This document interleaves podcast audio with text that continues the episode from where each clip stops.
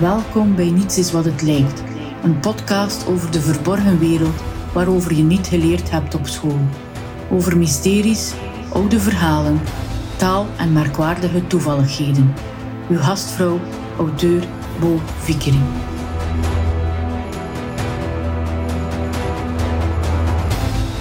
Als serieuze podcaster moet je toch een aflevering hebben over de eenhoorn als je mee wilt zijn.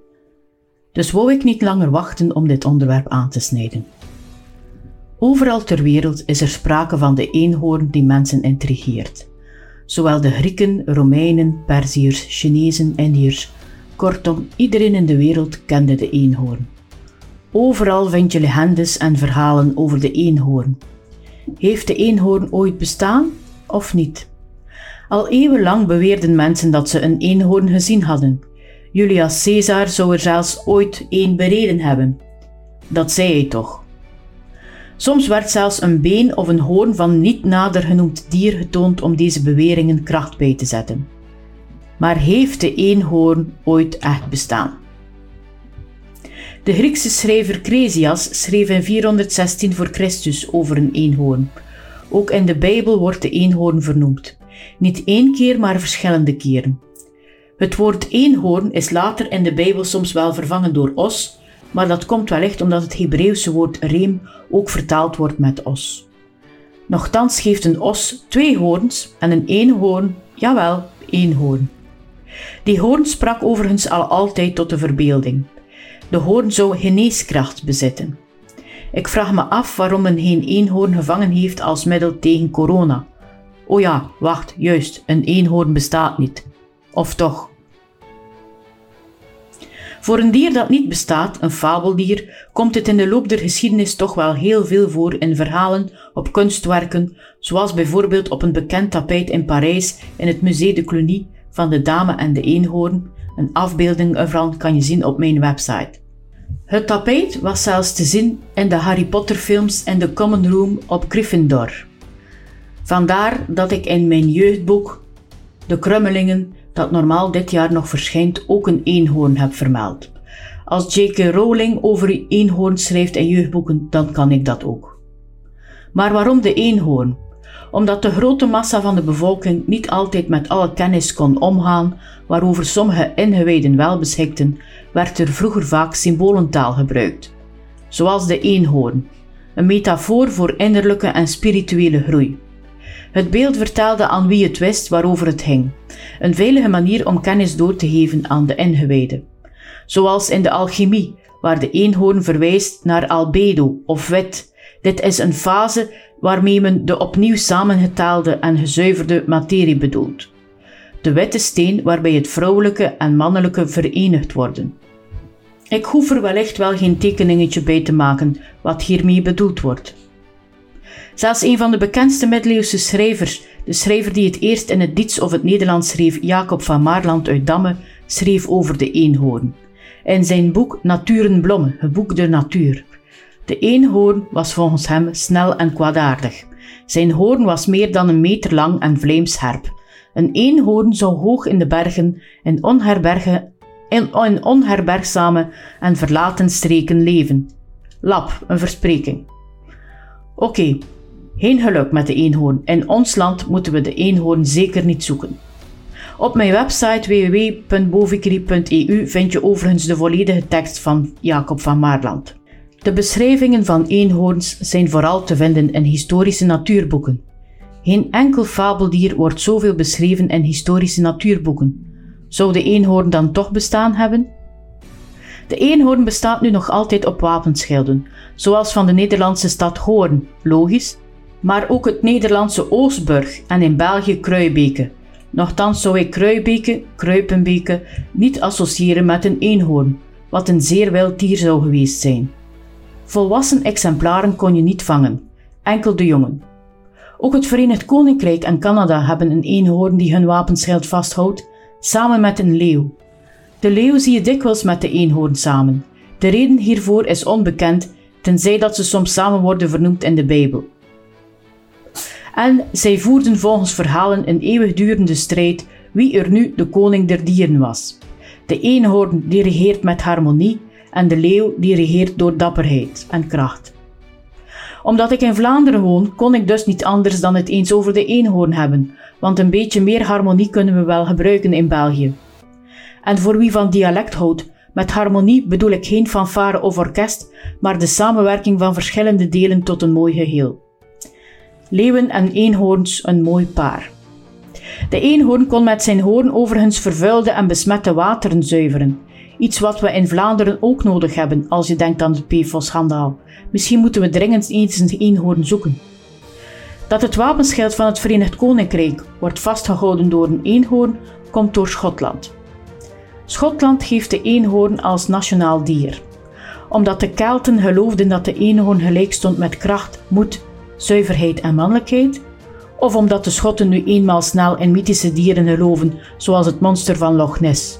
Hoe dan ook, 9 april is Eenhoorndag in Schotland. Voor wie na het horen van deze podcast op zoek wilt gaan naar een eenhoorn om krachtig te worden, zijn drinkwater te ontsmetten of wilt genieten van de geneeskracht van de eenhoorn, heb ik echter niet zo'n goed nieuws. Enkel een onschuldige maagd kan een eenhoorn vangen. Het is zelfs zo dat de eenhoorn zich meestal neervlijt in de schoot van de maagd. Zijn hoofd in haar schoot en de eenhoorn valt in slaap. Een beetje een dubbelzinnig beeld. De maagd werd in de middeleeuwen vaak afgebeeld als Maria, terwijl de eenhoorn dan een verwijzing zou zijn naar Christus. Merkwaardig dat een dier met één hoorn naar Jezus zou verwijzen, terwijl een figuur met twee hoorns de duivel is. Dat dachten blijkbaar ook de middeleeuwers, want de eenhoorn evolueerde van geneeskrachtig naar een phallus-symbool en vertegenwoordiger van de duivel. Maar dat de eenhoorn iets te maken heeft met liefdesenergie blijkt ook uit de vermelding van de eenhoorn in samenhang met de Kundalini-energie. De wat? Ja, ik moest mijn tong ook een aantal keer draaien vooraleer ik dit goed kon uitspreken. De Kundalini-energie. Kundalini-energie is een oeroud concept dat is, voorgekomen, dat is voortgekomen uit oude Hindoeïstische teksten. Kundalini is de oerkracht, de drijvende kracht in de mens, maar staat ook voor spirituele ontwikkeling. Kundalini betekent in het Sanskriet de opgerolde, en het symbool voor deze energie is dan ook een slang die zich om de ruggengraat wikkelt. Kundalini wordt vaak afgebeeld als twee slangen die zich in elkaar verstrengelen terwijl ze een draaiende beweging opwaarts maken, waarbij elke cirkel het wakker worden en in balans komen van een chakra van het lichaam vertegenwoordigt. Denk maar aan het symbool van de Mercuriusstaf of Caduceus, die in aangepaste vorm is geëvolueerd tot een esculaap, wat het symbool is voor de geneeskunde. De draaiing in de vorm van de hoorn van de eenhoorn zou staan voor deze Kundalini-energie. Verschillende verhalen beweren ook dat de Katharen, een christelijke stroming in de middeleeuwen, die uiteindelijk door de kerk in de kiem werd gesmoord door een massamoord in Montségur, Frankrijk, de eenhoorn gebruikten als symbool voor de bloedlijn van Christus. Wat dan weer opnieuw een verwijzing is naar de Heilige Graal, de Da Vinci-code, weet je wel. Oh ja, wist je dat je in Lessewegen een eenhoorn kan zien op het spreekgestoelte? Je kan dit horen tijdens de audiotour die ik heb ingesproken en die te koop is via mijn website www.obovikeri.eu of je kan een live rondleiding boeken met deze stem. Dan zie je ook eens hoe ik eruit zie als je me in ziet en niet enkel een stem achter een microfoon hoort. In de Shanghai King, een verslag uit de 10e of 11e eeuw over de mens en het universum, wordt de Po beschreven. De Po is een wit paard met een hoorn. Er zijn ook boeken waarin er 6 tot 8 verschillende soorten eenhoorns staan beschreven. Dit zijn dus natuurhistorische boeken, zoals dat van Jacob van Maarland. Je kan je dus afvragen of de eenhoorn niet werkelijk heeft bestaan, maar gewoon een zoveelste uitgestorven dier is. Net zoals onlangs de zwarte neushoorn als uitgestorven wordt beschouwd. Ook een dier met een hoorn die zogezegd medische krachten zou bezitten. Want de eenhoorn die staat ook voor goddelijke kracht en wijsheid. In de Bijbel kan je lezen in Numeri 23:22: De krachten van God zijn als die van de eenhoorn. De eenhoorn is dus symbool voor spiritueel inzicht, gericht zijn op het goddelijke. Een paard betekent in verhalen overigens sterrenkracht, paardenkracht en is een verwijzing naar het dierlijke in ons en het wit van de eenhoorn verwijst naar de kleur van de reinheid. De plaats van de hoorn is niet toevallig op dezelfde plaats als het derde oog of de pijnappelklier. Eigenlijk verwijst de eenhoorn naar een nieuw leven, naar geestelijke ontwikkeling, een nieuwe persoon worden, naar een innerlijke groei. Hoe cynisch is het dan dat de eekhoorn, die misschien wel aan zijn einde is gekomen door de mens en is uitgestorven, staat voor een nieuw leven? De enige manier waarop de eenhoorn een nieuw leven zou kunnen krijgen, is als er ooit archeologische resten zouden gevonden worden die bewijzen dat het dier ook echt heeft bestaan. Maar gelukkig leeft de eenhoorn voort in verhalen, legendes, mythes of zelfs in stripverhalen zoals Kuifje en het geheim van de eenhoorn. Maar of de eenhoorn nu heeft bestaan of niet, of gewoon een fabeldier is, de eenhoorn heeft door de eeuwen heen verschillende symbolische betekenissen opgebouwd in verschillende culturen overal ter wereld. Waar de eenhoorn echt voor staat, dat maak jij uit. Maar misschien toch maar eens nadenken voor je dat schooltasje met een lieflijke eenhoorn koopt voor je dochter om naar school te gaan. Want wat wil zij daarmee zeggen? Bedankt om deze week te luisteren naar Niets is wat het lijkt. Ben je op zoek naar meer? Bezoek dan mijn website bovicry.eu. Hier kan je mijn boeken bestellen en kan je inschrijven op mijn nieuwsbrief My Secret Tips. Abonneer je op deze podcast, zodat je geen enkele aflevering mist. En terwijl je dit doet, vergeet niet deze podcast te delen en vertel het aan je familie en vrienden. Want je zou toch niet willen dat zij de wereld niet leren kennen zoals ze is, maar enkel zoals die lijkt te zijn.